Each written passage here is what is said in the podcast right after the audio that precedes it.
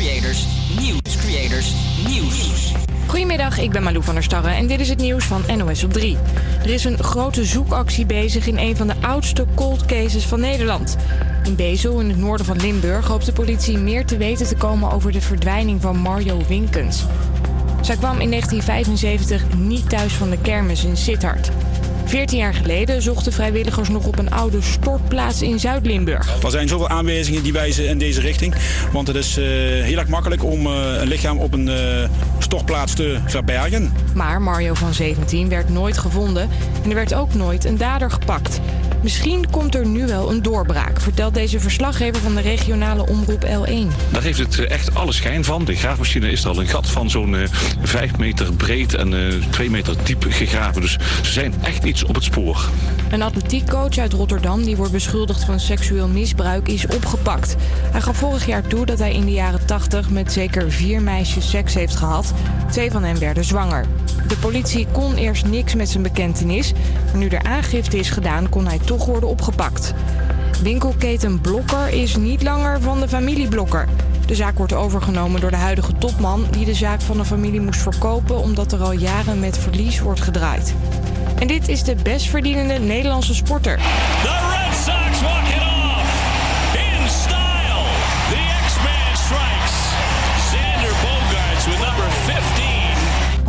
Xander Bogaerts verdient de komende zeven jaar 117 miljoen euro bij de Boston Red Sox in Amerika. Per jaar is dat zo'n 17 miljoen euro. Voor vliegtuigspotters is Friesland een soort snoepwinkel.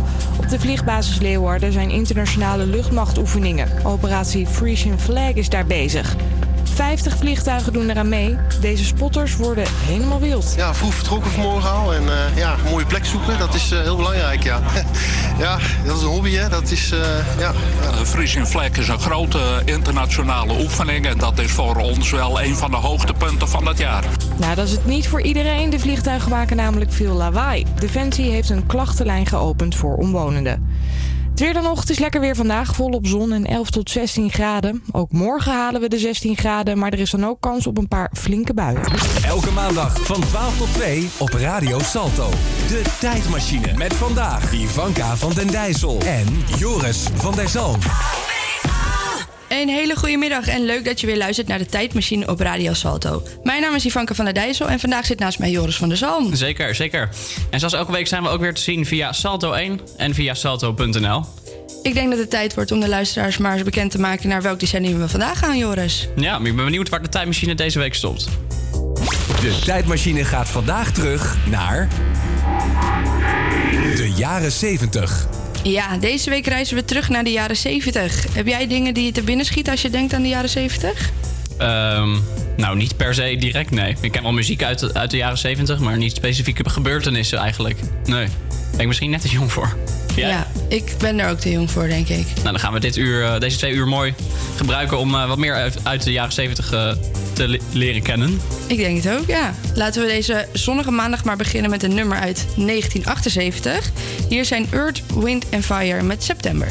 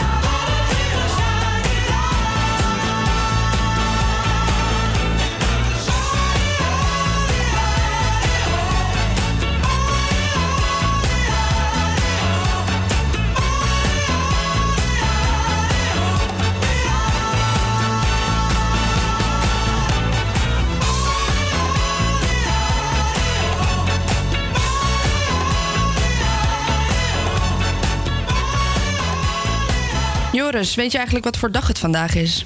Ja, het is maandag. Maandag 1 april 2019. 1 april. Het is vandaag de dag dat je je vrienden, je collega's, je medestudenten in de zijk mag nemen. Waar de grappendag vandaan komt is nog niet helemaal bekend, want er zijn meerdere theorieën achter deze dag. Maar ik weet wel dat de eerste 1 april grap die werd gemaakt in Nederland in Den Bril was. Ze zei dat Alfa aanstroomde met de bril en de grap was de bril Den Bril. Snap je hem? Mm, nee. Ik ook niet. Oké. nou, goede goede eerste, eerste grap. Niet ja, echt. precies. Nou, laten wij eens nadenken of we een van onze collega's in de zijk kunnen nemen dit uur. Ja, goed idee. Heb jij nou wel eens een leuke grap uitgehaald of heb je een idee voor ons? Laat het dan even weten via onze Instagram, het Volg de Tijdmachine. Ja, ik zag wel vanochtend dat Google een eh, grap heeft uitgehaald vandaag. Ze hebben namelijk de Google Tulip gelanceerd. Dat is een app waarmee je zou kunnen praten met tulpen. Oh, Ja, ja, om een beetje in, te spelen op eh, alles dat slim is, slimme apparaten in je huis, kan je dus ook je tulp slim maken. Ja, nou, grappig. Ja, wie wil dat nou niet? Nee, precies. Zoals elke week eh, in de tijdmachine blikken we terug naar een bepaald decennium. En vandaag behandelen we de jaren 70. In 1974 werd de Rubik's Cube bedacht door een Hongaar genaamd Erno Rubik. En de rechten over de kubus waren alleen in Hongarije. Maar uiteindelijk heeft de Duitse spellenmaker Tom Kremmer ervoor gezorgd dat deze rechten overal golden. Tegenwoordig is de bekende kubus van die tijd nog steeds een hit. En onze reporter Amber is langsgegaan bij Mark Benis, die een fanatiek speedcuber is. De kubus is bedacht in de jaren 70 en is nu op dit moment eigenlijk dus ook nog een hit. Ehm, hoe vind je dat? Geweldig. Het is nu zelfs groter dan ooit. Er doen eh, honderdduizenden mensen mee over de hele wereld aan wedstrijden. Anders is, dat vind ik een beetje een nadeel. Je ziet ook bijna nooit in de media erover verschijnen.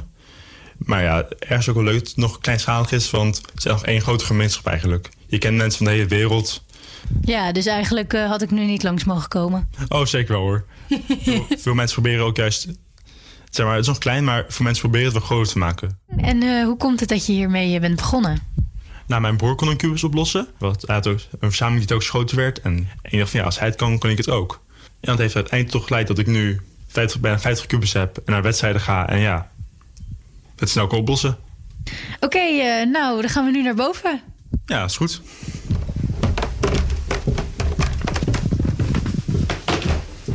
Dan heb ik hier een paar kubussen liggen. Oh ja, wow. Wat een felle kleuren zeg. Oh ja, en dit is die die je al zei hè, tegen mij. Dat is, Die... die piramide, dat is die piramide die ik goed kan. Ja. En dit zijn ook kubussen die ik veel oplos. Hierboven dan een hele stapel kubussen die ik ja, gewoon leuk zou moeten hebben, maar niet heel vaak oplos of iets. En dit zijn er in totaal 45. Rond 45, ja. Maar er zijn dus ook echt 45 verschillende kubussen. Er zijn honderden verschillende kubussen. Oké, wauw. Jij zegt dat die piramide wel makkelijk is, dus ik ga even kijken of ik ook een kans maak. Kun je me... Alsjeblieft. Oké, wat heb je nu gedaan? Eh, ik heb hem door de war gehaald zoals die site me aangaf dat het moest. Oké, En eh, nu mag jij hem oplossen. nou ik ben benieuwd. Oké. Ik ga gewoon wel wat draaien. Hij zit me gewoon uit te lachen. Nee, nee, ik lach je toe. Ehm, en dan moet ik eigenlijk alle kleurtjes bij elkaar, Ja, toch? elke, kant, elke kant moet één kleur zijn. Oh, hoe ga ik dit doen? Oh, aan één zijkant. Dus Ja, aan één één- driehoek Ja, eigenlijk? ik was één zijkant los ik op. Daarna los ik de overige drie stukjes op. Oké, nou doe maar, want het lukt maar niet.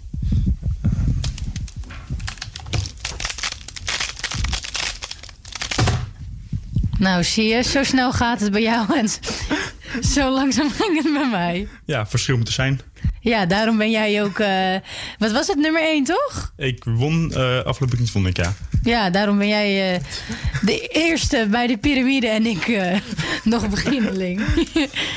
en jij gaf aan dat je niet de vraag wilde hoe je een kubus kon oplossen. hè? Dus dan heb ik wel een andere vraag.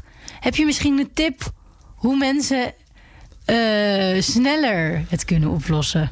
Oefen veel, eh, zoek op internet naar tips. eh, dus ook gewoon, je hebt echt wel video's die je kunnen helpen om mee te beginnen. En, maar vooral hou er lol in. Als je het niet leuk vindt, heb je geen motivatie en ja, dan gaat het niet lukken. Probeer gewoon de lol erin te houden en dan komt het zelf wel goed. Ik wil je bedanken in ieder geval. Ja, geen probleem, het was leuk. Ja, dankjewel. Ik sta nu met de broer van Mark, namelijk eh, Thomas. Eh, hoe vind je het dat je broer je, of broertje heeft ingehaald? Ja, vind ik alleen maar leuk. Hij is er zelf, eh zit er veel meer tijd in dan ik doe. Dus ik ben er ooit gewoon mee begonnen om, als een hobby. En hij is er veel, mee, eh, veel verder in doorgegaan. Het is alleen maar leuk om te zien hoe ver hij dan daarmee kan komen. Dat hij ook, zoals een keer wedstrijd gewonnen heeft nu. Ja, want afgelopen weekend eh eerste geworden.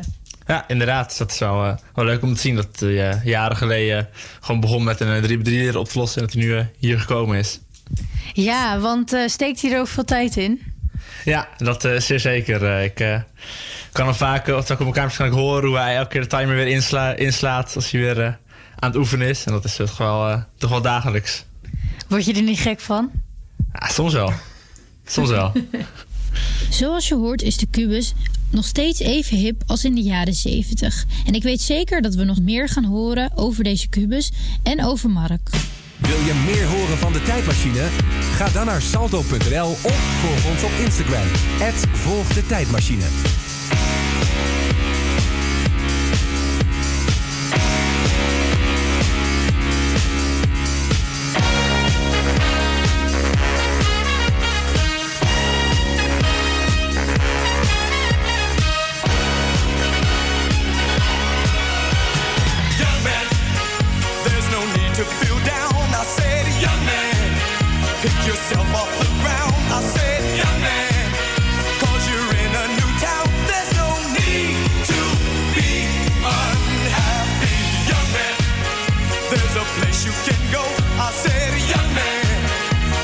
short on your dough,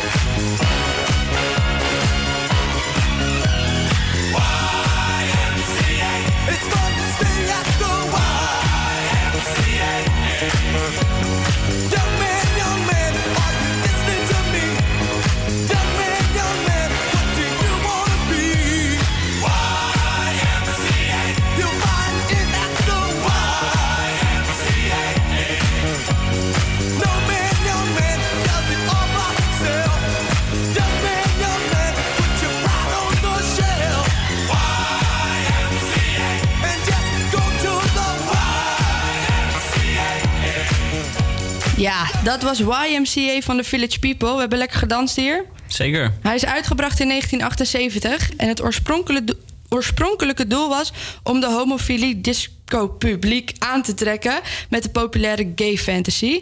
Hoewel de twee makers van de groep homo waren en het lied zich in eerste instantie op homoseksuele mannen richt, waren de andere leden van de groep hetero-mannen die simpelweg genoten van de discocultuur. Tijd om de muziek muziekkennis van de luisteraars eens te testen, of niet dan, Joris? Ja, zeker. Zoals elke week in de tijdmachine hebben we de muziekquiz. En aan de telefoon hebben we Kevin de Boer. Leuk dat je meedoet aan de muziekquiz over de jaren 70. Ja, ja heel leuk. Ja, zeker. Eh, hoe oud ben je, als ik vragen mag? Ik ben eh 27 jaar.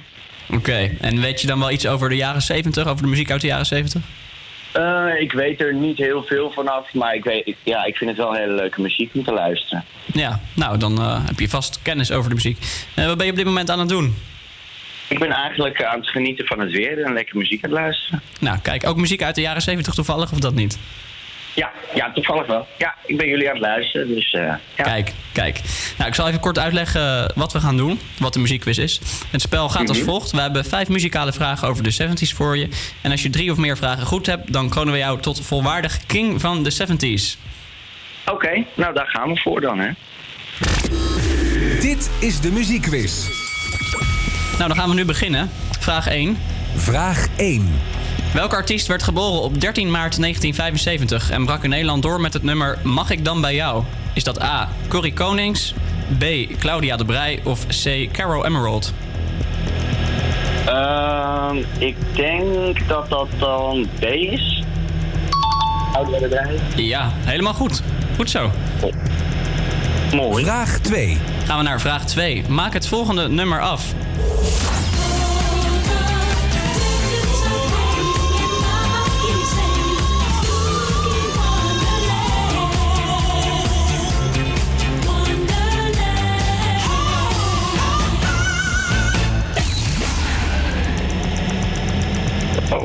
Die weet ik niet. Dit nummer ken ik niet. Doe, doe een poging. Ik, ik, ik heb echt geen idee. Ah, nou dan eh, moeten we hem helaas fout rekenen. We gaan wel nog even luisteren wat, eh, wat het wel moet zijn.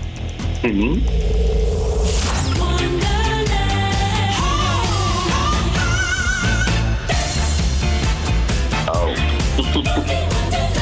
Ja, gaat er toch een belletje rinkelen? Ja, nu wel. Ja. Nou ja, voor de volgende keer weet je hem dan. Maar je kan nog steeds kans maken om, eh, om de king of the 70s te worden. Gaan we naar de volgende vraag. Vraag 3. Van welke zeer populaire film is dit de soundtrack?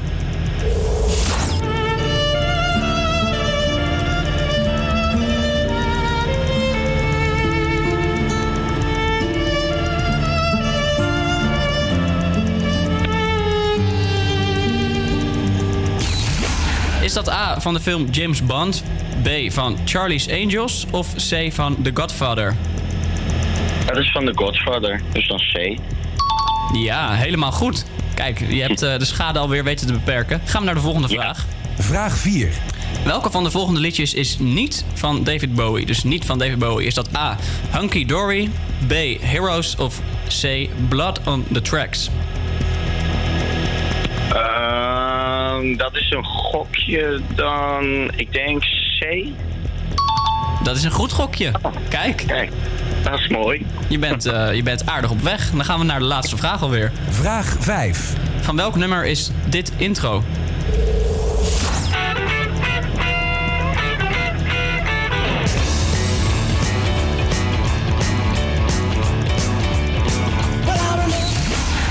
Is dat A van Michael Jackson of The Wall? B van Johnny Taylor Disco Lady? Of nummer C, van, eh, antwoord C, Meat Love Paradise by the Dashboard Light? Eh, A? Is het van A? We kijken naar de jury. Is het A? Helaas. Maar niet getreurd, niet getreurd. Ik kijk even naar de jury. Hoeveel antwoorden zijn er goed? Ik zie dat er drie vingers omhoog gaan. Oh, kijk eens aan. Dat valt me mee. Dus dat betekent dat je volwaardig king van, eh, van de 70s bent. Oké. Gefeliciteerd. Dankjewel. Dankjewel. Je wist er toch meer van eh, dan je misschien van tevoren dacht. Dus dat is, eh, Ja. dat is mooi. Valt me reuze mee eigenlijk. Pretty goed. Nou, hartstikke leuk. Bedankt voor het meedoen. En eh, we gaan nog wat leuke muziek voor je draaien uit de jaren 70. Ik ga luisteren. Dat is goed. Hier zijn de Cats met Let's Dance.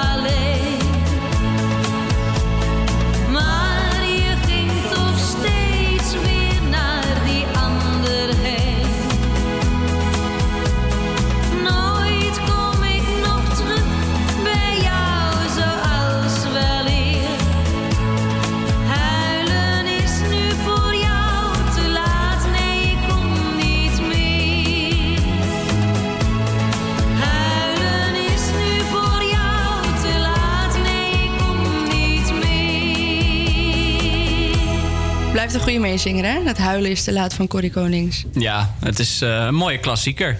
En het eh, lied werd uitgebracht in 1970 en het bracht toen maar liefst 41 weken door in de top 40, waarmee het lange tijd het langst genoteerde nummer in de hitlijst was. Zo? Ja, dat, is eh, echt lang? Echt lang. Nou ja, zoals iedere week gaan wij weer op zoek naar een eendagsvlieg. Iets heel anders dan dit nummer van Corrie. En deze week is het natuurlijk ook weer gelukt. Eentje uit de jaren 70. Ik ben benieuwd of je hem herkent. Ja, ik ook. De eendagsvlieg van vandaag. Everybody was kung fu fighting. Those kids were fast as lightning. In fact, it was a. Natuurlijk herken ik dit nummer. Het is een topnummer, toch? Het is eh, best apart dat er eigenlijk maar eentje... Of dat, dat er niet meerdere nummers... Dat nog- vind ik ook. Ja. Dat het een eendagsvlieg was. Ja, maar aan de andere kant is het ook wel echt, echt gewoon... Ja, wanneer luister je dit nou eigenlijk? Ja. Het is meer Ja. een soort feestnummertje of zo. Ja. Ja, het is een, echt disco, een echte disco-single. En deze werd uitgebracht in 1974 door Carl Douglas. De single is afkomstig van zijn album Kung Fu Fighting and Other Great Love Songs. Oh. Nou, laten we er nog maar één keer van genieten dan, voordat hij in de kast verdwijnt. Hier is Kung Fu Fighting van Carl Douglas.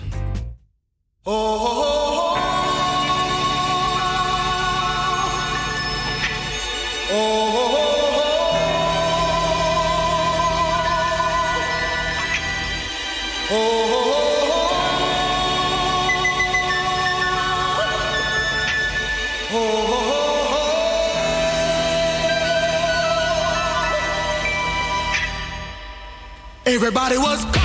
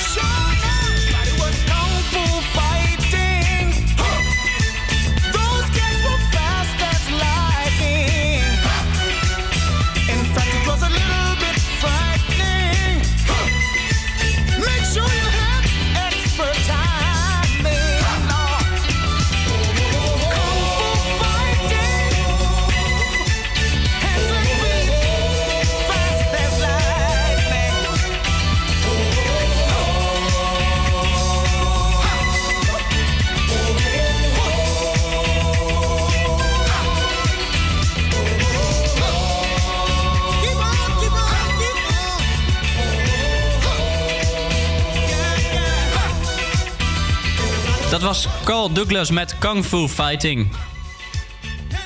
Ja. ik vind het toch een leuk nummer. Ja, zeker. Ik denk dat ik hem weer ga toevoegen aan mijn lijst hoor. Even aan die, eh, aan die classics lijst toevoegen. Ja, gewoon Ja. als je even zin hebt in wat eh, muziek van vroeger. Ja, dat deze naar voren komt. Af en toe.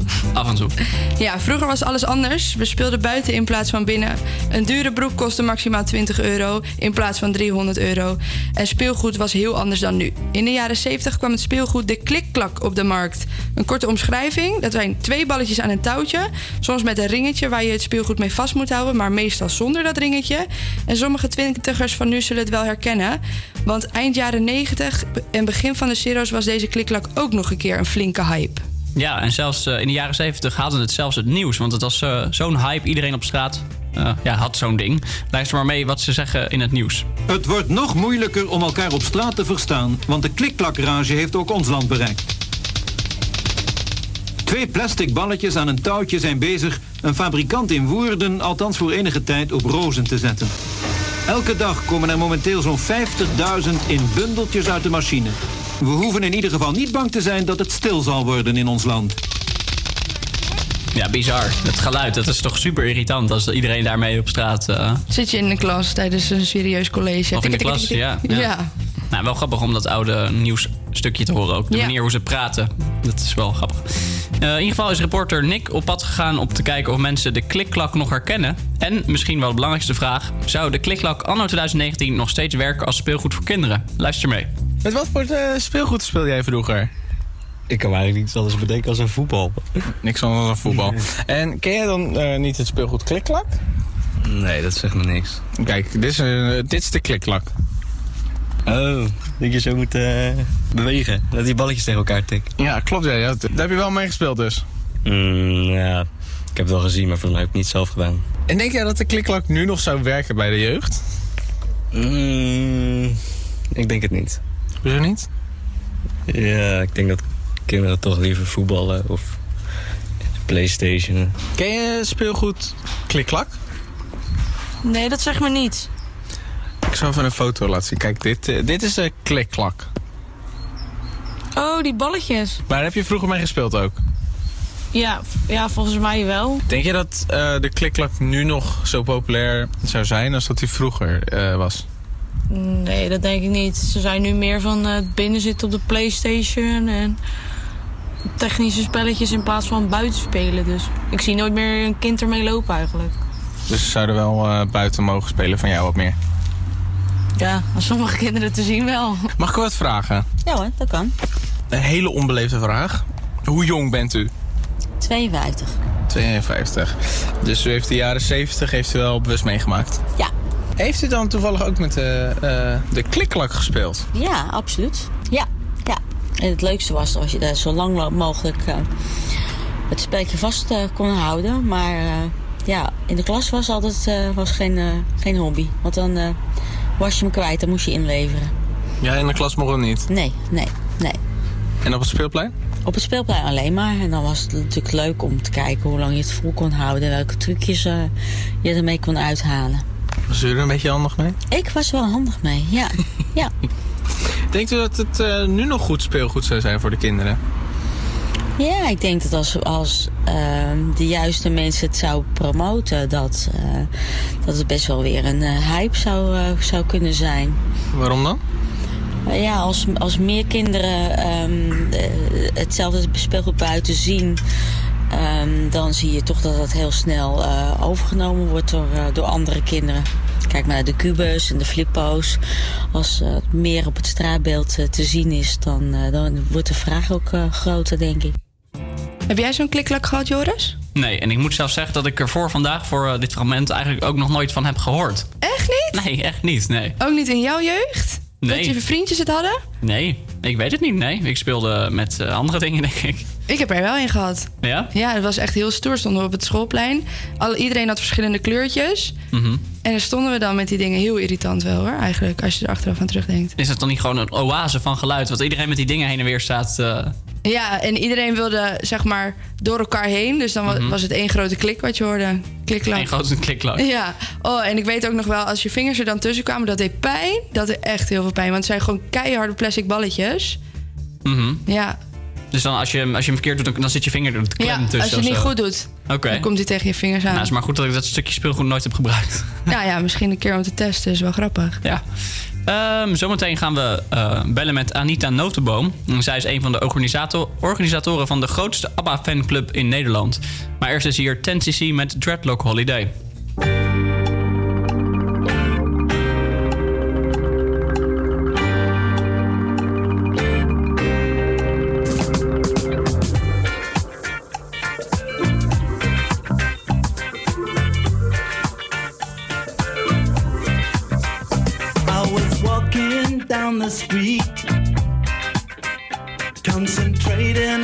Trucking right.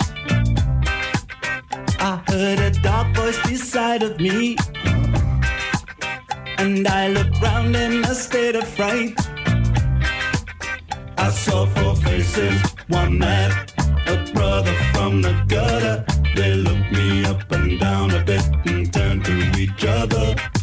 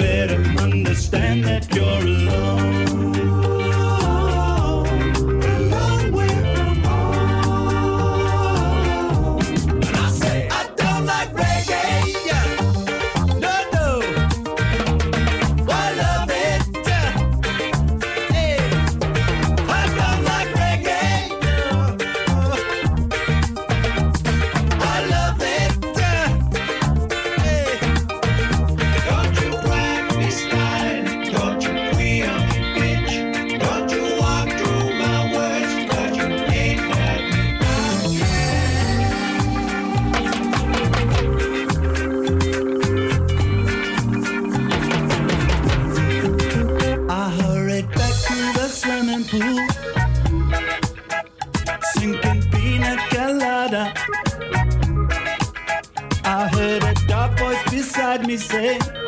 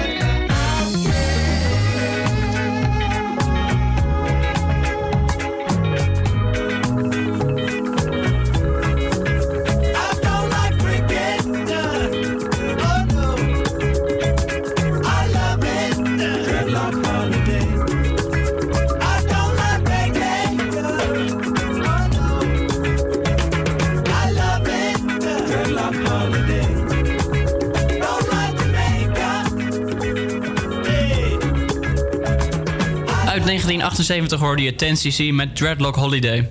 Ja, nu de herinneringen van de jaren 70 weer een beetje helemaal naar boven komen, was er natuurlijk één band die we allemaal wel kennen uit de jaren 70. Ik denk dat je ABBA bedoelt dan. Zeker, ik bedoel ABBA. Aan de telefoon hebben wij Anita Notenboom. Zij is een van de organisatoren van de grootste ABBA fanclub. Goedemiddag Anita. Goedemiddag. Hi. Hi. Ik vind wel een mooie nummer dat jullie net hebben gedraaid. Een mooi nummer? Ja, dat heeft een link met Agneta. Oh, kijk. En wat is die link dan? Erik Stewart van 10cc eh, heeft eh, haar eh, tweede soloalbum eh, Eyes of a Woman in 85 eh, geproduceerd. Oh. Mooi linkje. Hebben we even een feitje, dat wisten wij nog niet. Dat pikken de luisteraars toch maar even mee. Ja. Precies. Ik hoorde hem, ik denk, hé, hey, 10cc. Scherp.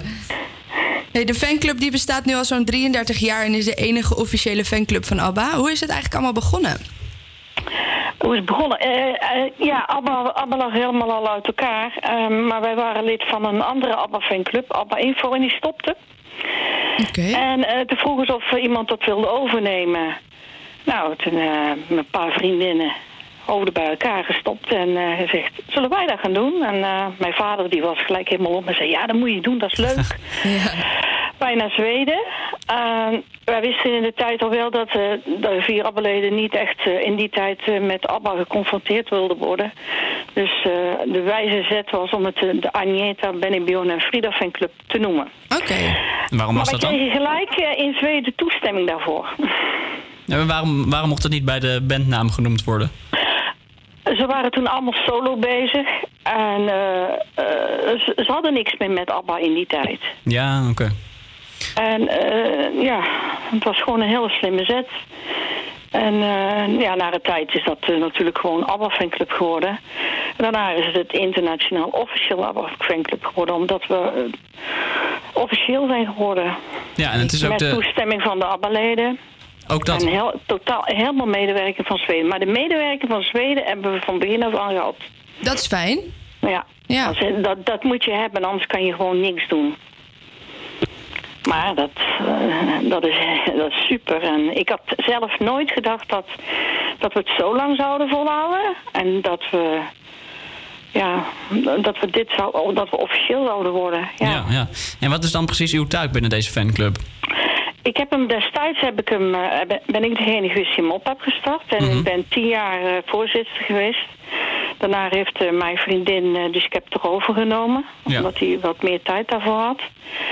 En ja, wij zijn nog steeds twee handen op één bak, wat dat betreft. En we hebben wel een, een derde eh stafmember erbij. Maar we hebben natuurlijk, heel vroeger hadden we, heel vroeger toen nog internet er niet was, toen hadden we gewoon in alle landen, hadden we een correspondent zitten. Ja, dat is allemaal niet meer nodig natuurlijk, hè. Nu kan alles via internet eh, besproken Ja, worden. ja, ja. Vandaag, eh, bij wijze van spreken, als ze iets horen, dan vijf minuten later ligt het al op het internet. Ja. Zo snel gaat dat. En wat betekent ABBA dan precies voor u als u echt zo actief bent geweest bij het opstarten van die fanclub?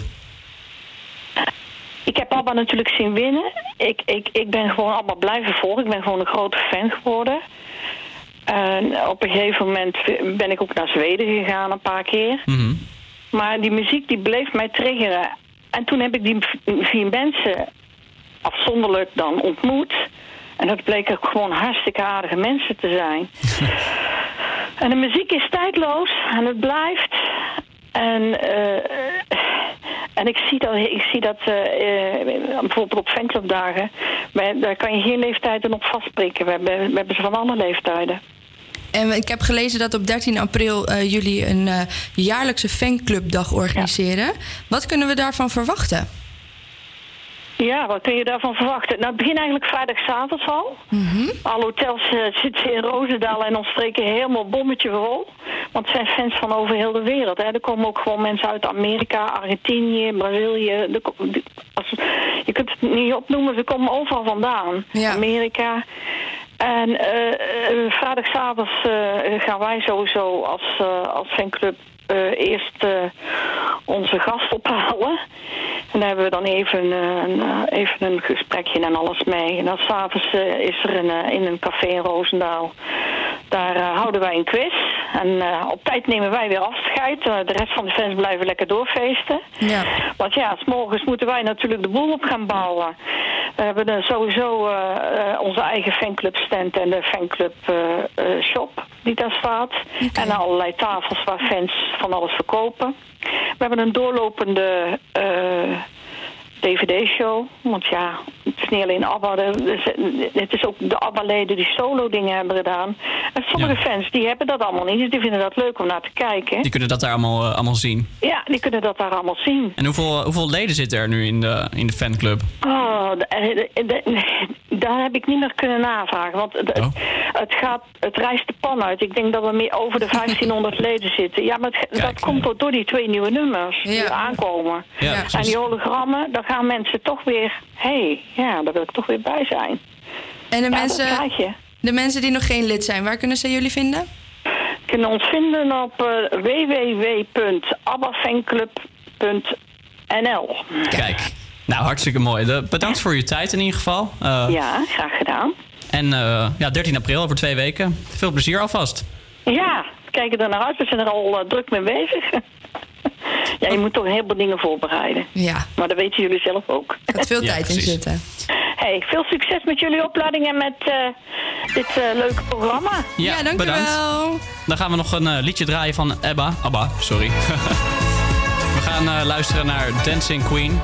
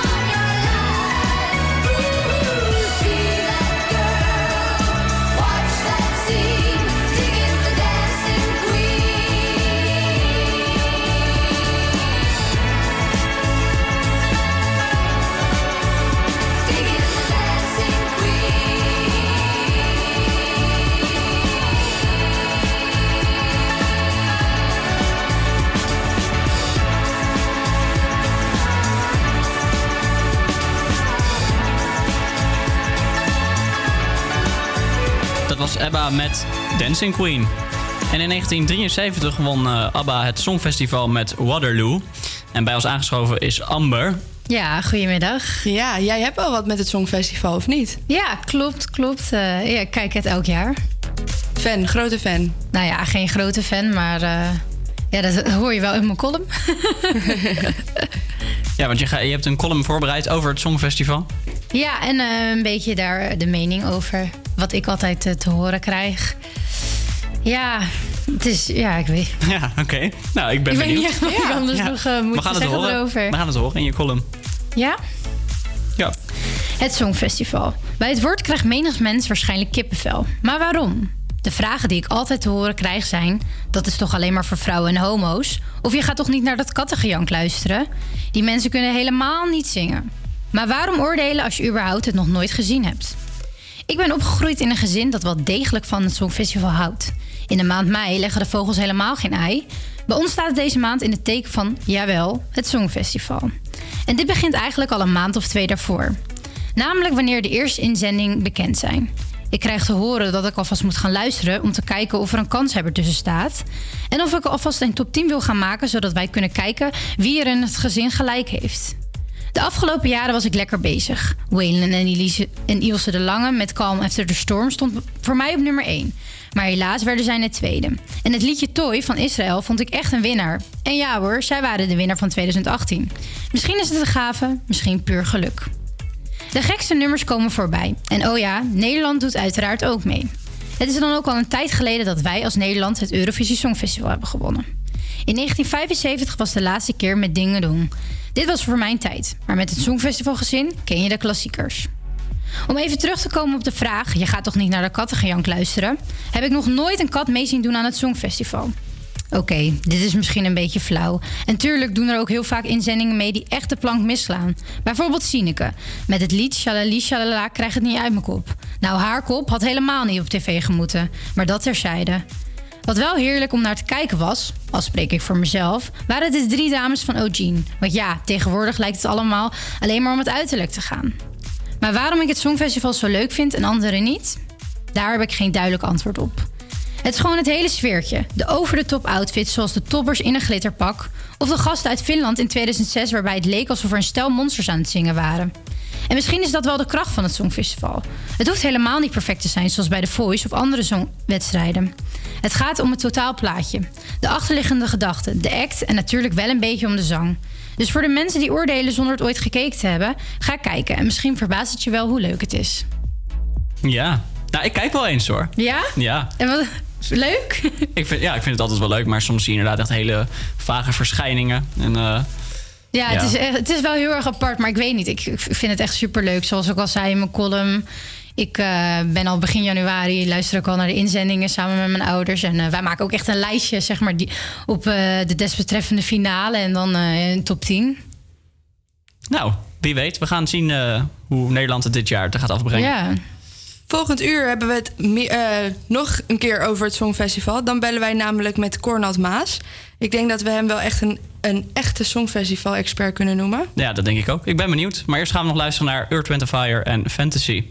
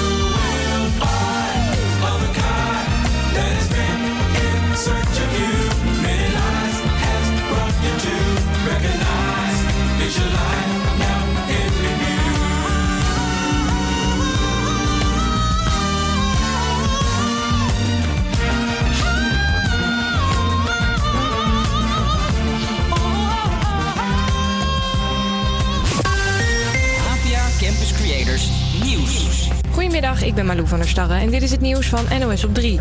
Meer jongeren kloppen aan bij de schuldhulpverlening. Het waren er vorig jaar zo'n 10.000 en de helft daarvan kwam in de problemen door de studiefinanciering.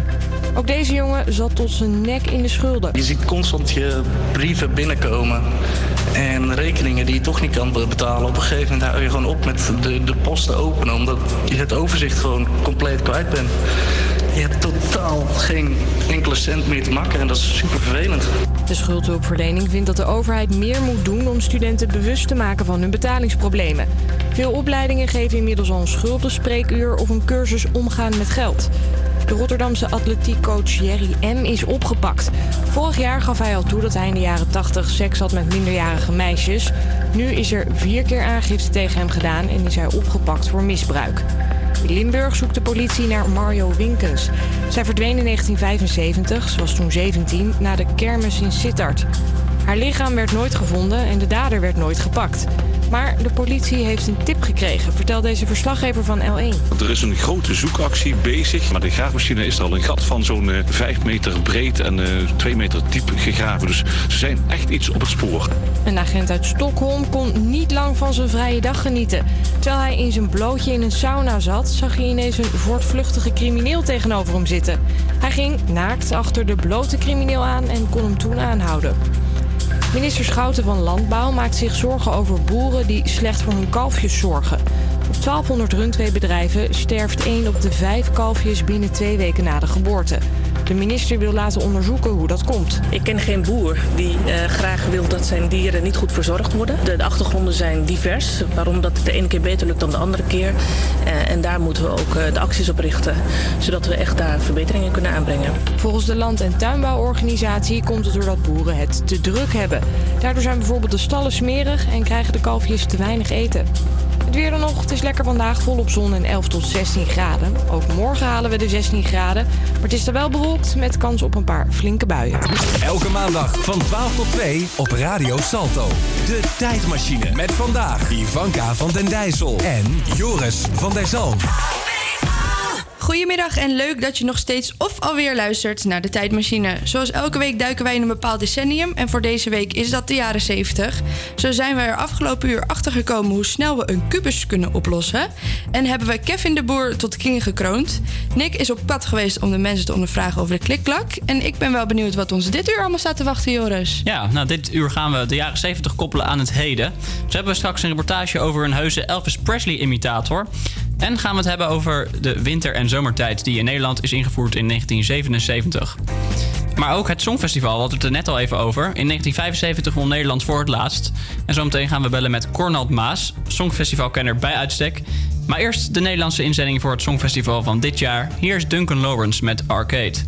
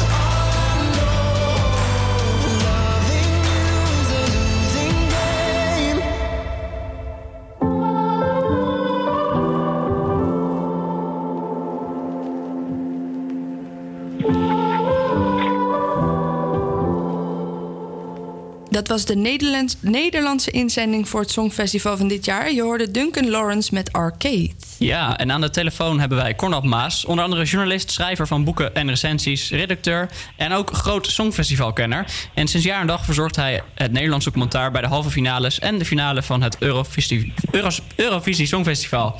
Goedemiddag. Ja, goedemiddag. Hoi. Hi. Eh, allereerst, waar komt uw grote liefde voor het Songfestival vandaan? Ah, nou, eens even denken. Nou, uit de jeugd. Dat is eeuwen geleden inmiddels. ik denk, ehm, nou, ik zag geloof ik het Songfestival voor het eerst in, schrik niet, 1974. Ik was nog uit een tijd dat je toen op tijd naar bed moest, maar in dit geval in dat jaar, toen was ik net elf, eh, stonden mijn ouders het mij toe om eh, te kijken. En dat was het jaar waarin ABBA won. Dus dat was meteen een goed jaar, zal ik maar zeggen. Eh, nee, wat ik altijd heel los van de kwaliteit of niet-kwaliteit van de songs eh, altijd heel leuk heb gevonden, is het, het competitie-element. En, dat, en het element van dat er over smaak heel veel valt te twisten, anders dan het spreekwoord luidt. Eh, want dat blijkt wel elk jaar weer als iedereen weer van alles vindt, van alle liedjes die erbij komen. Maar het festival ja, is groter gegroeid de afgelopen jaren. En is ook wel een mooie spiegel van Europa, of het veranderende Europa. Dat vind Ja. ik eigenlijk ook wel aardig aan. Ja. Ja, precies. En eh, u zei net al even, eh, Nederland won voor het laatst eh, eh, met het nummer Dingedong van Teach In. Dat was in 1975, ja, 44 jaar geleden. Ja. Nou, voor de luisteraars die het nummer niet kennen, we gaan er heel even naar luisteren, een stukje. Ja.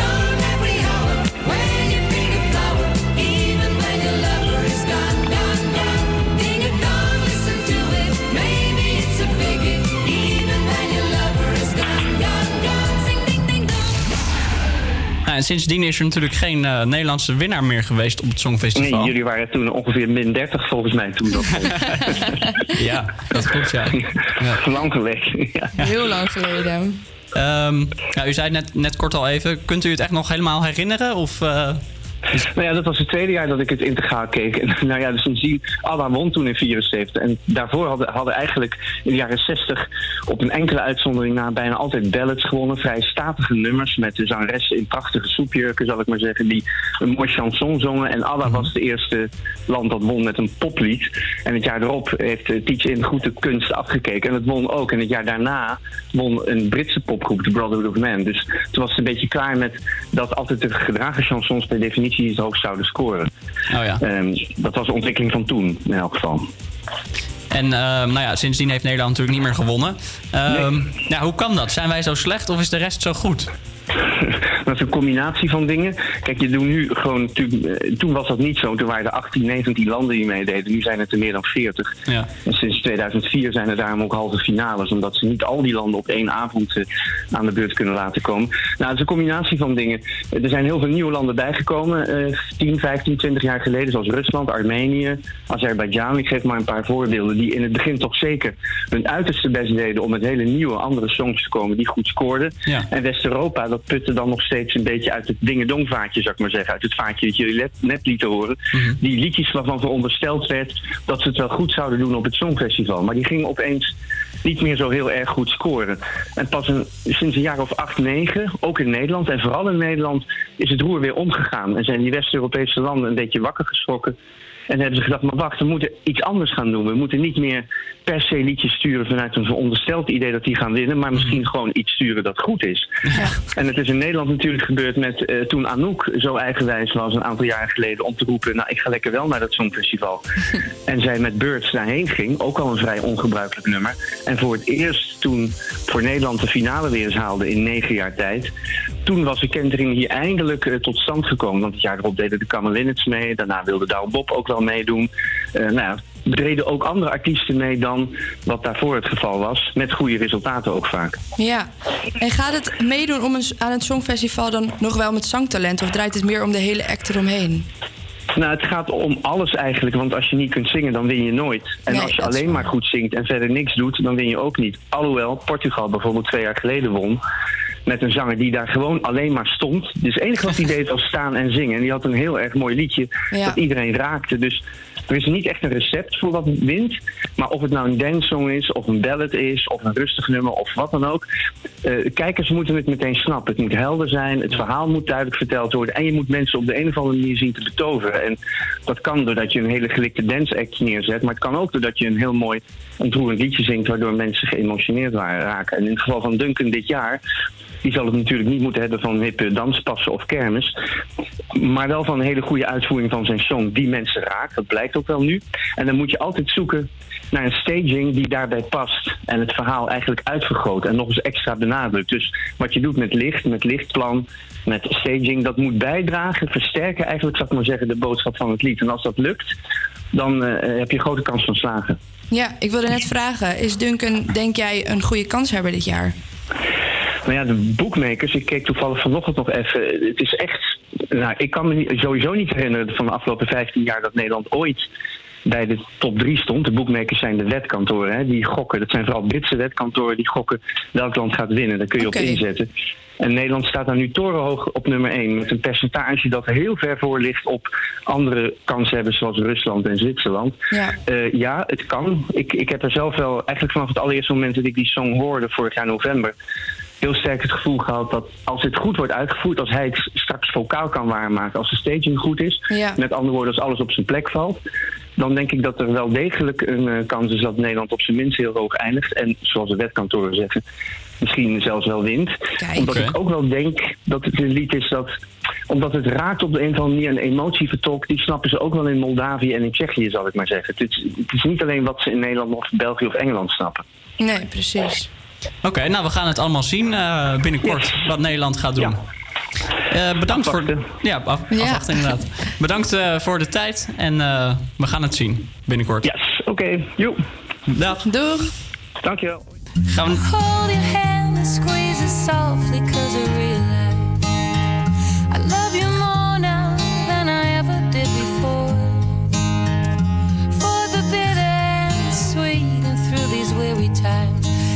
never thought of letting you go. I've never ever thought of letting you go. I'd be lost without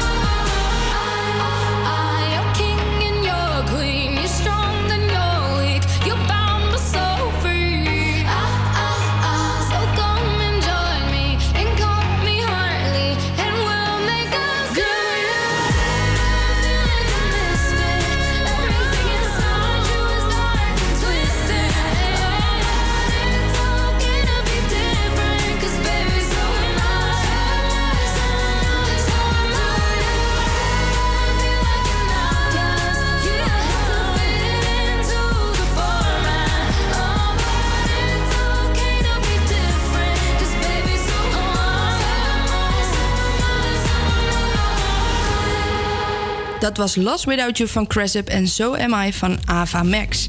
Ik vind het leuk dat Cressip na zoveel jaar weer het podium op gaat en weer een aantal concerten gaat geven. Ja, ik ook. Ik ben benieuwd eh, wat voor muziek ze weer gaan maken. Ik vond Ja. het altijd wel leuk. Ik ook, ja. Nou, ik heb nog een paar leuke weetjes en ik ben benieuwd of jij en de kijkers en luisteraars deze al wisten. Ja. Apple werd eind jaren 70 opgericht. Toen heette het nog Apple Computer Inc. Het begon toen met een computer en ondertussen heeft Apple natuurlijk al van alles op de markt gebracht. Dit jaar komen ze alweer met een iPhone XR en XS. Ze blijven maar groeien, hè? Ja, dat het al zo lang geleden is, 1970. Ja, ook door, door Steve Jobs in, in de jaren 70. Ja.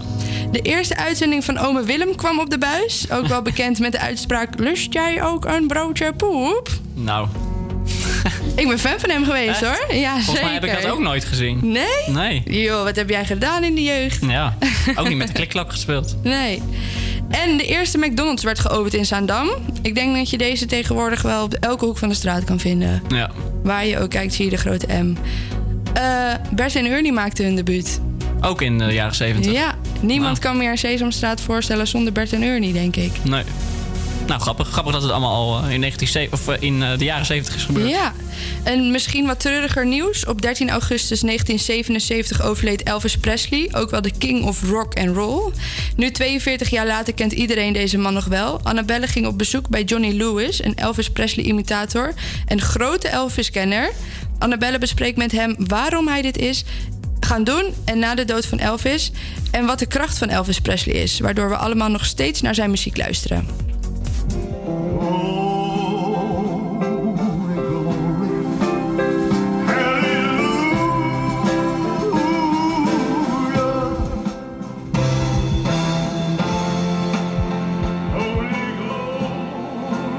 Als je dit nummer beluistert, is dit is Elvis Presley.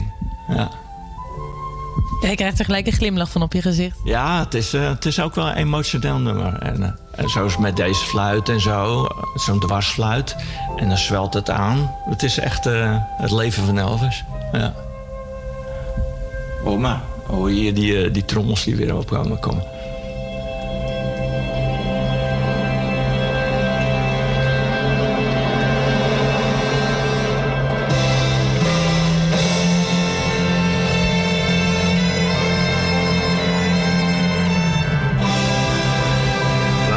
Zet hij weer in zo. Oh, komt hij.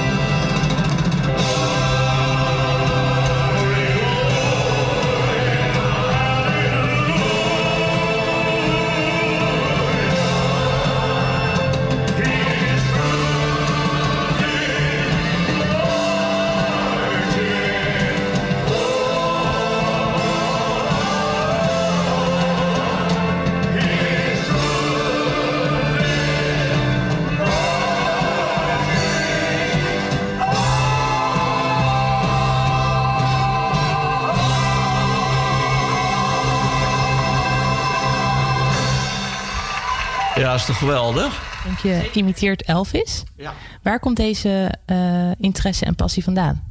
Nou, als, eh, als klein kind zag ik het filmpje van eh Jailhouse Rock, zwart-wit filmpje.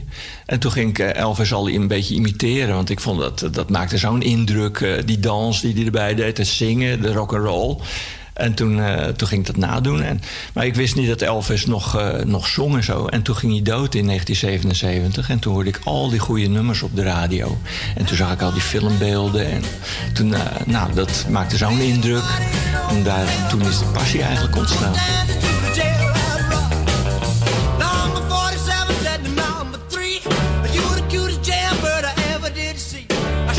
Ja, dus pas na zijn dood. Dat, eh, en hoe bent u dan begonnen? Bent u gewoon eh, klein begonnen met kleine optredens? Want uiteindelijk sta je best wel op een podium met het echte Elvis-pak aan. Hoe begon dat? Ja, nou, ik, eh, ik, ik begon verder te imiteren. Ik bekeek al die filmbeelden en toen ben ik eh, meegenomen met talentenjachten. Eerst deed ik playback. Eh, toen durfde ik nog niet zo te zingen. En toen later eh, was ik eens een keertje op een braderie en had een vriend van mij een karaoke show georganiseerd. En er kwamen geen mensen die gingen zingen. Toen dacht ik, nou weet je, ik, eh, ik ga wel zingen. Want hij had een paar van die Elvis-banden erbij zitten. En toen zag ik dat het wel aansloeg bij het publiek en dat het ook wel goed klonk. Nou, toen ben ik gaan meedoen met talentenjachten. Verder om echt te gaan zingen. En onder andere met de Henny Huisman Soundmix Show vroeger meegedaan. Nou, daar heb ik ook de tweede prijs gewonnen. Eh, zo ben ik verder gegaan. En welk liedje heb je daar gezongen? Eh Blue Suede Shoes. Ja, ja. Dus dat daar begon de carrière van... eh, Ja, van, de, van Johnny Lewis eh, de carrière mee. money, two for the show, three to get ready. Now go, cat, go, but don't you step on my Merk je na dat zijn dood, zijn muziek wordt niet vergeten van Elvis. Hoe denk je dat dat kan? Nou, het is eigenlijk, eh, sinds de dood is het eigenlijk eh, nog groter geworden dan dat hij eh, al was. Heel veel mensen hebben zijn muziek gekocht en Elvis' muziek is eigenlijk tijdloos. Ik zeg altijd, voor elke stemming is er wel een, een Elvis-song.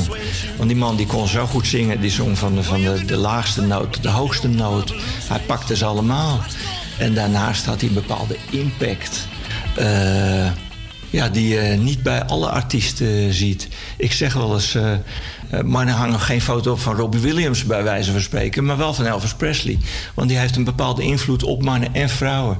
Het is eh, eigenlijk eh, wat dat betreft een beetje onzijdig eh, beeld.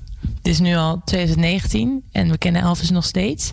Is het ook je doel om die legende voor altijd bij iedereen voor te laten leven? Eh, ja, ik draag wel een stukje aan mee. Ik, eh, allereerst vind ik het ontzettend leuk om zijn nummers te zingen en te performen en het publiek helemaal eh, uit zijn dak te laten gaan.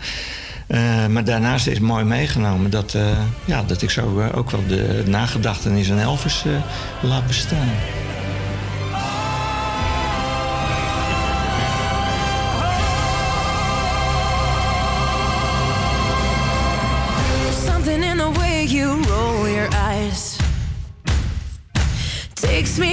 To a better time when I saw everything is good. But now you're the only thing that's good. Trying to stand up on my own two feet. This conversation ain't coming easily. And darling, I know it's getting late. So what do you say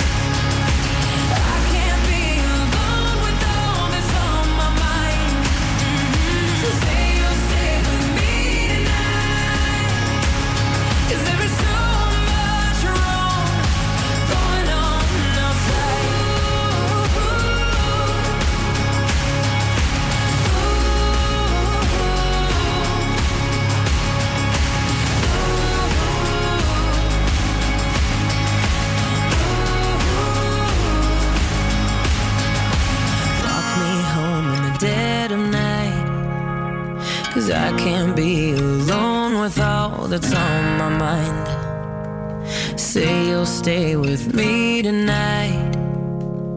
Cause there's so much wrong going on. Walk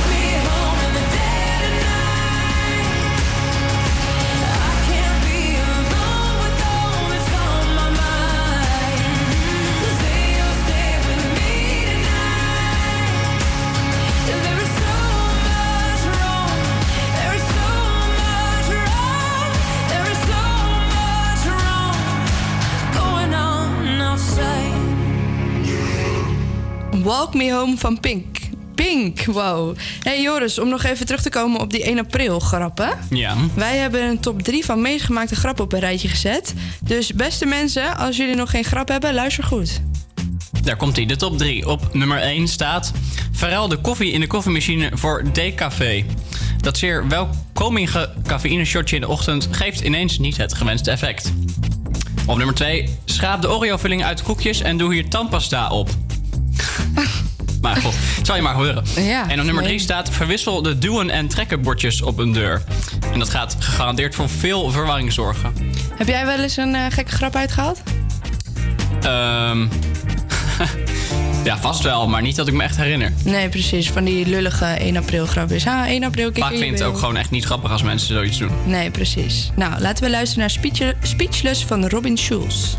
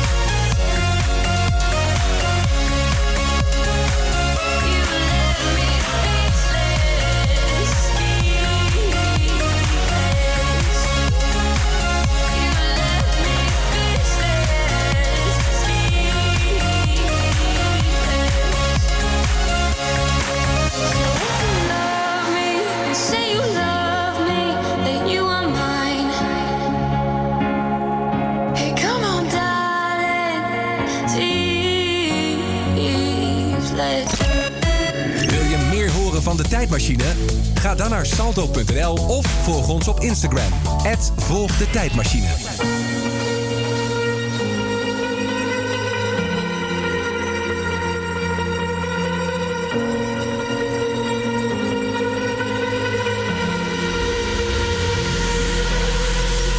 Too fast to prepare for this. Tripping in the world could be dangerous. Everybody circling as vultures. Negative, nepotist. Everybody waiting for the fall of man. Everybody praying for the end of times. Everybody hoping they could be the one. I was born to run. I was born for this. Whip, whip,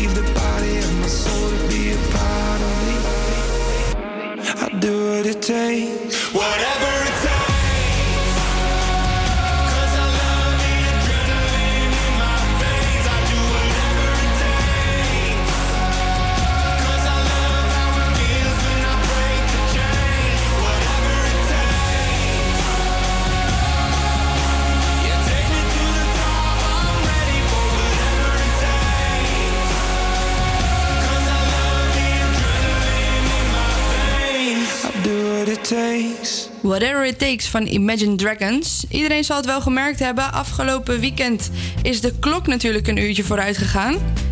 Ja, dat klopt. En eh, de oliecrisis in 1973 was voor veel Europese landen de aanleiding om de zomertijd in te voeren.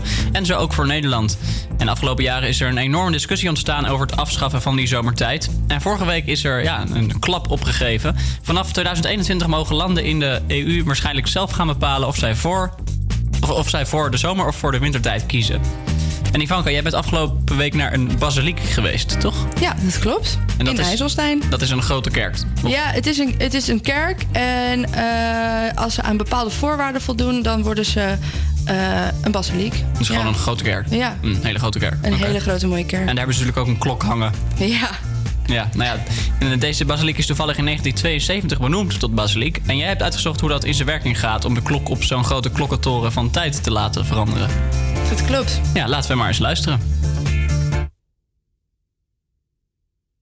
Goedemiddag, Henk van Breukelen. We staan hier in de Sint-Nicolaas Basiliek in IJsselstein. Kunt u iets vertellen over deze basiliek? Ja, er is heel veel over deze basiliek te vertellen. Basiliek word je als eretitel, omdat je iets bent in, zoals wij dan toevallig, een bedevaartskerk zijn.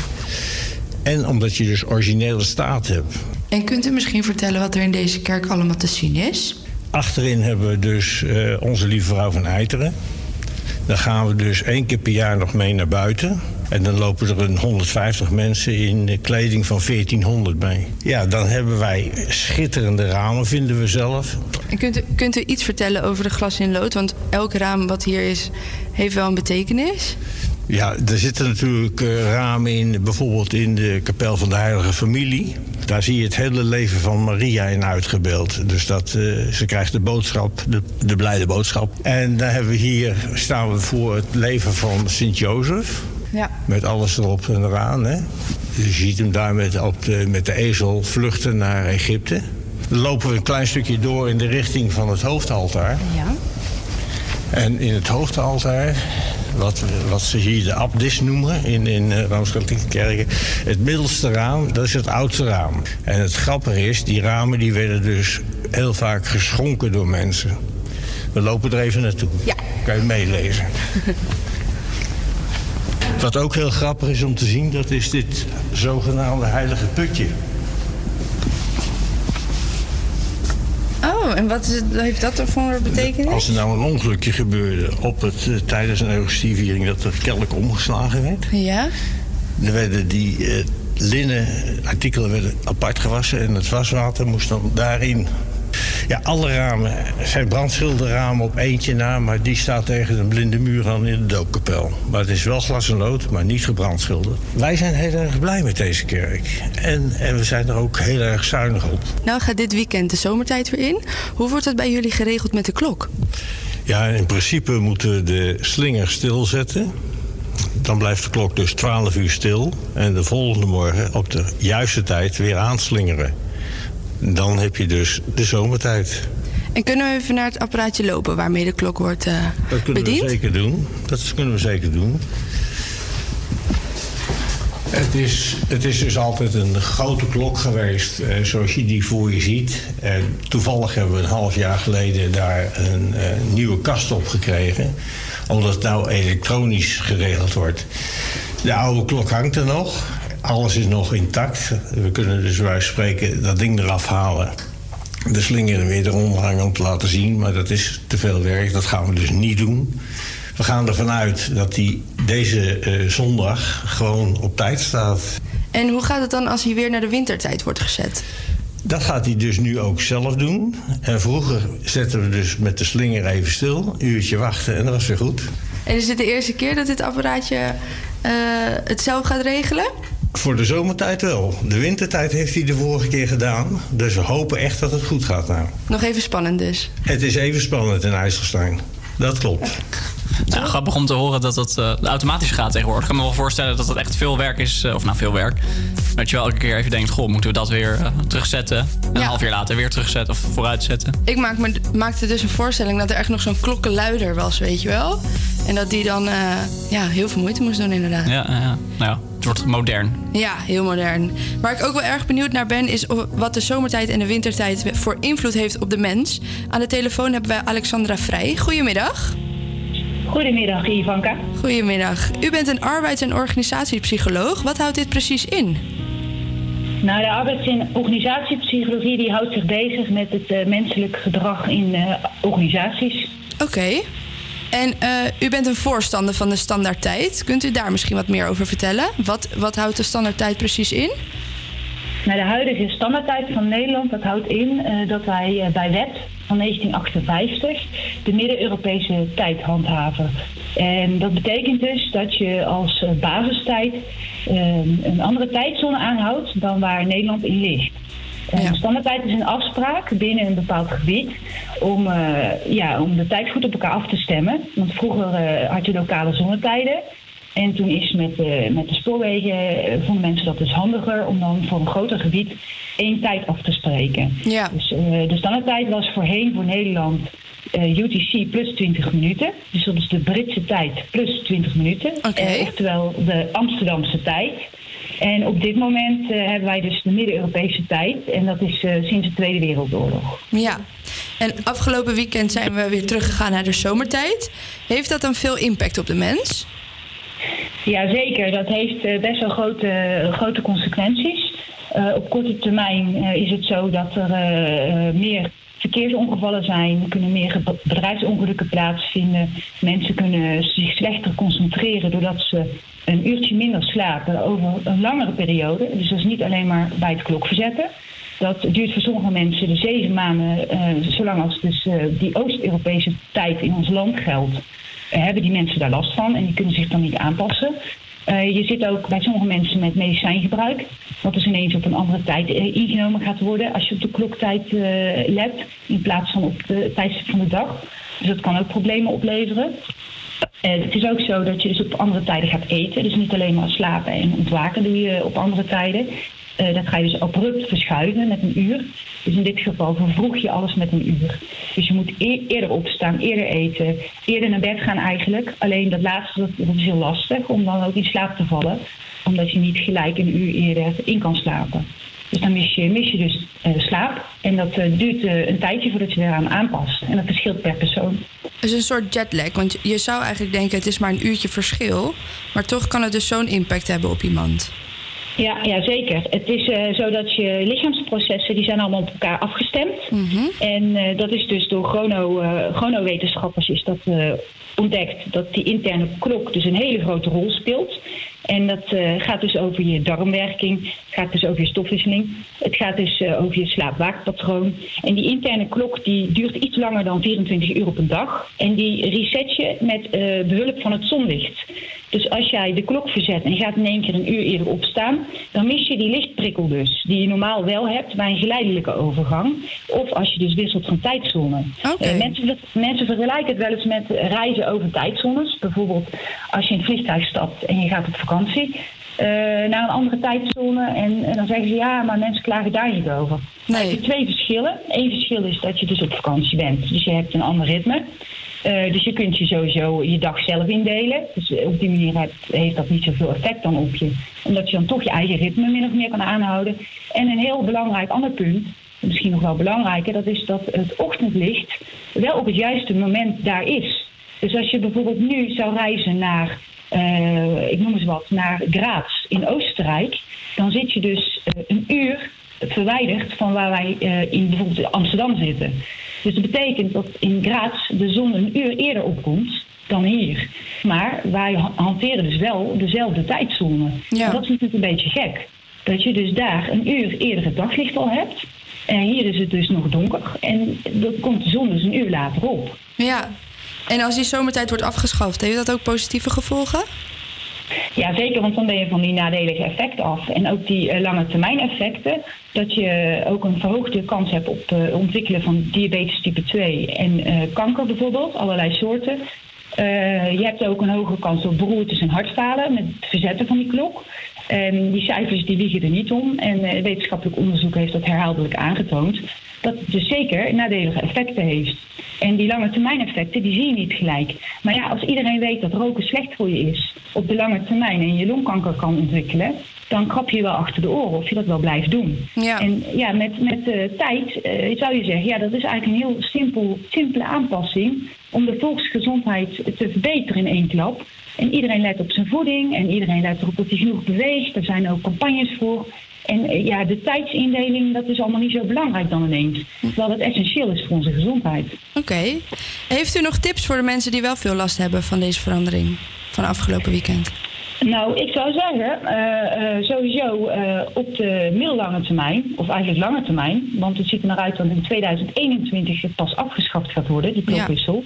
Dan zou ik zeggen, steun ons. Dus kijk op standaardtijd.nl en kijk ook op Facebook, het Standaardtijd, en op Twitter, het Standaardtijd. En lees de berichten, lees je in en eh, kom te weten wat, wat de impact is. Want het is niet zomaar een uurtje de klok zetten en klaar. Nee. En eh, daarmee kunnen mensen dus eh, steunen en kunnen we dus samen zorgen dat wij niet alleen die klokwissel achter ons kunnen laten. Want dat doen we al sinds 1977 natuurlijk. Ja.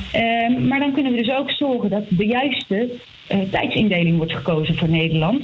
En eh, dat is natuurlijk heel erg belangrijk, dat we dat met z'n allen voor elkaar kunnen krijgen. Ja. En eh, dat, is, eh, dat is dus sowieso iets wat je kan doen.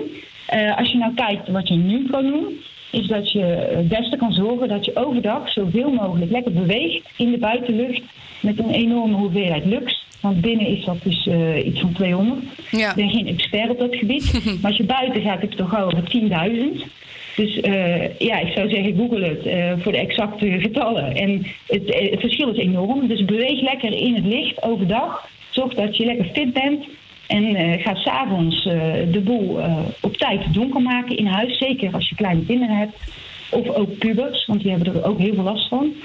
Zorg dat het tijd donker is. Vermijd beeldschermen. En ga gewoon extra op tijd naar bed. Ook al kan je niet meteen slapen. Probeer je ook aan te passen aan dit ritme. eh, zo goed en zo kwaad als dat kan. En eh, ja, probeer op die manier de, de schadelijke effecten te beperken. Nou, super. Ik denk dat we wel wat aan deze tips gaan hebben. Ja, ik hoop het ook, ja. Hartstikke bedankt voor je tijd. En een fijne dag nog. Hetzelfde, dankjewel. Dag. Dag. Heb jij er nou echt last van? Of? Nee, helemaal niet. Nee? Nee. Nou, ik gelukkig ook niet echt. Laten we gaan luisteren naar Rewrite the Stars van Emery en James Arthur. You know I want you. It's not a secret I try to hide. You know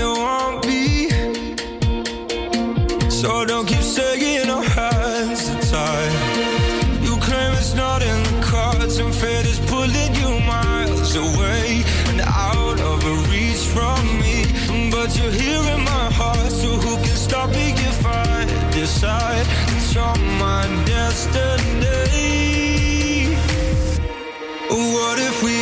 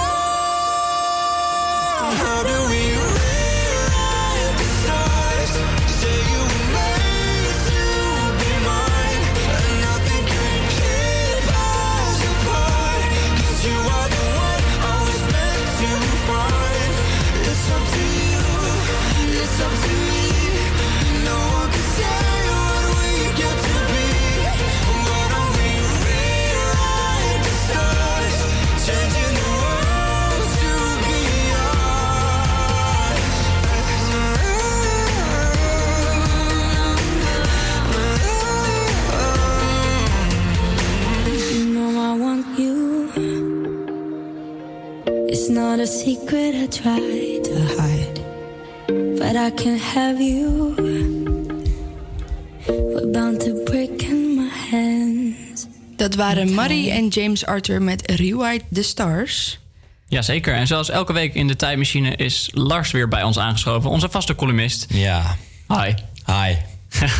Hoe gaat het ermee? Goed, goed. Goed weekend gehad. Ja, Ajax gewonnen. Ajax gewonnen van PSV. Dan heb je al snel een goed weekend. Ja, man. Als De topwedstrijd, dus we doen nog mee. Als echte Ajax-fan, liefhebber en Yes. dat soort dingen. Nou, eh, je column. Ik ben benieuwd. Ja, laten we hem gaan luisteren. Ja. Dit is 90 seconden Lars. Mijn vriend, mijn kameraad. Al sinds ik 16 was ben jij bij me. Hielp jij me als ik in een benarde situatie zat. Kon ik jou als excuus gebruiken om even vijf minuten weg te lopen wanneer ik me irriteerde aan de mensen om me heen. Door jou heb ik er nieuwe vrienden bij. Door jou heb ik leuke klusjes op werkgebied gekregen. Door jou ben ik aan de babbel geraakt met menig meisje. Het klinkt als iets moois, maar eigenlijk ben jij heel lelijk. Al negen jaar lang vermink ik mijn lichaam. Door jou word ik wel eens s'nachts wakker met ernstige pijn op mijn borst. Heb ik keelpijn en als ik een potje ga voetballen met mijn vrienden... ben ik de eerste die met een tomatenhoofd en zijn handen op zijn knieën hunkert naar een fles koud water. Ik leerde je kennen toen ik erbij wilde horen. Stoer wilde zijn. Ik kwam op een school terecht waar iedereen met jou omging. Waar iedereen wat van je wilde. Ik wilde dat ook. En jij had er geen probleem mee. Voordat ik het wist waren we verwikkeld in een knuffel. Niet wetend dat die knuffel steeds strakker zou worden. Tot het moment kwam dat ik niet meer om je heen kon. 's Ochtends ben jij het eerste waar ik aan denk. En s'avonds ben jij het laatste wat ik doe. Door jou heb ik altijd een walm om me heen. Door jou heb ik onder troosteloze afdaken in de stromende regen gestaan. Jij zorgde ervoor dat het zweet me uitbrak wanneer je niet in de buurt was. Ik weet nog dat mijn vader erachter kwam dat ik met jou omging. Het moet ook zo'n 8 à 9 jaar geleden zijn geweest. Hij keek naar me, schudde met zijn hoofd en werd geen boos. Hij was teleurgesteld. Toen snapte ik niet waarom. Jij was toch die allemansvriend? Inmiddels ben ik trots op mezelf, maar teleurgesteld in het feit dat ik nog steeds met je omga. Foute vrienden moet je afstoten. En voor jou is die tijd nu gekomen. Vanaf vandaag, 1 april, ga ik de uitdaging aan. Ik hoef jou niet meer te zien. Ik doe de deur dicht. Ik zwaai je uit zonder achterom te kijken. Ik zal jou niet meer meedragen in mijn broekzak. Het wordt zwaar, zowel fysiek als mentaal. Maar ik denk dat ik je de baas kan zijn. Zoals Ajax dat gisteren was over dat nietige PSV. Meneer de sigaret, tot nooit. Elke week in de tijdmachine. 90 seconden Lars. Nou. Ja. Daar, daar is de aftrap van je stoppen met roken. Ja, dat is de aftrap van mijn stoppen met roken. Ik heb het één keer eerder geprobeerd, toen heb ik het drie weken volgehouden. En ik merk dat ik het echt heel moeilijk vind. Zweten, ik maak mezelf helemaal gek in mijn hoofd. Nu al of toen? Toen, die drie weken? Nou, nu, nu merk ik het als ik dan ga reizen of zo. En ik moet even wachten, dan rook ik altijd een sigaret. En dan vanochtend, dan kan dat niet. Echt een verslaving En dan gaat het echt in je hoofd spelen, direct. Wanneer was je laatste sigaret? Ja, vannacht, half twee of zo. dus eh, Je zit al op de meer dan 12 twaalf uur. uur, ja. nou, goed hoor. Gaat je veel geld besparen ook, denk ik. Dat sowieso. En natuurlijk je gezondheid Ja. vooropgesteld. Ja.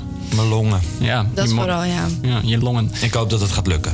Ik ook. Laten we luisteren naar Chef Special. Hier is Nicotine.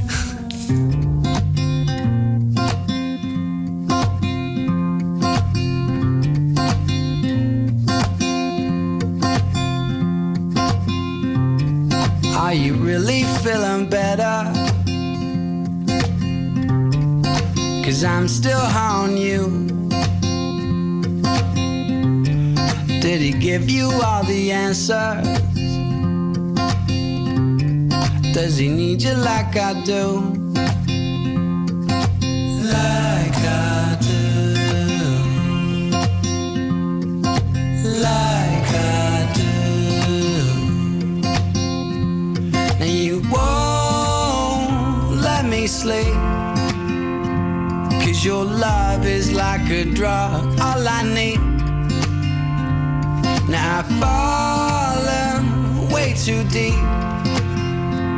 But I'd rather be with you than be free.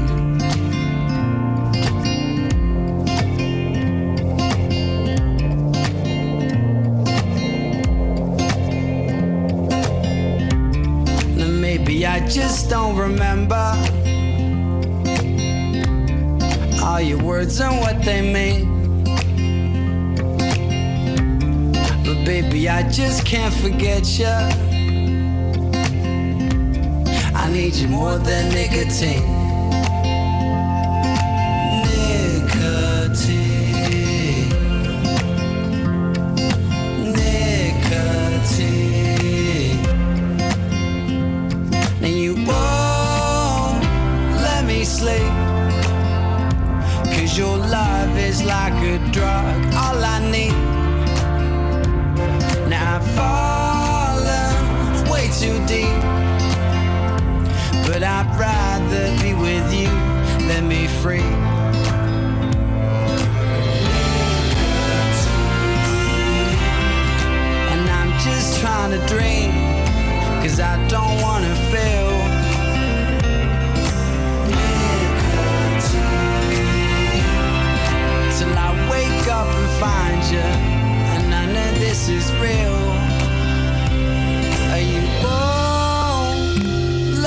Sleep. Cause your love is like a drug to me. Dat was het weer voor deze week. Ik ben een stuk wijzer geworden over de jaren 70 en ik hoop jullie kijkers en luisteraars ook. En jij natuurlijk ook, Joris. Ja, zeker. Was leuk. En de, de column van Lars net over het stoppen met roken. Ik hoop dat hij het vol gaat houden en dat we elke week eh, even aan hem kunnen vragen: goh, eh, hoe staat gaat het het ermee? nou met je? Ja. Nou, volgende week eh, hebben we in de Tijdmachine een speciale uitzending. Namelijk de Tijdmachine Mashup. En we gaan dan niet één, niet twee, maar meerdere decennia behandelen. Een mashup. Ik wil iedereen bedanken en tot volgende week. Ja, en wil je ons nou volgen, dan kan dat via eh, Instagram. Namelijk volg de Tijdmachine. Tot volgende week. Wil je meer horen van de tijdmachine? Ga dan naar salto.nl of volg ons op Instagram. Volg de tijdmachine.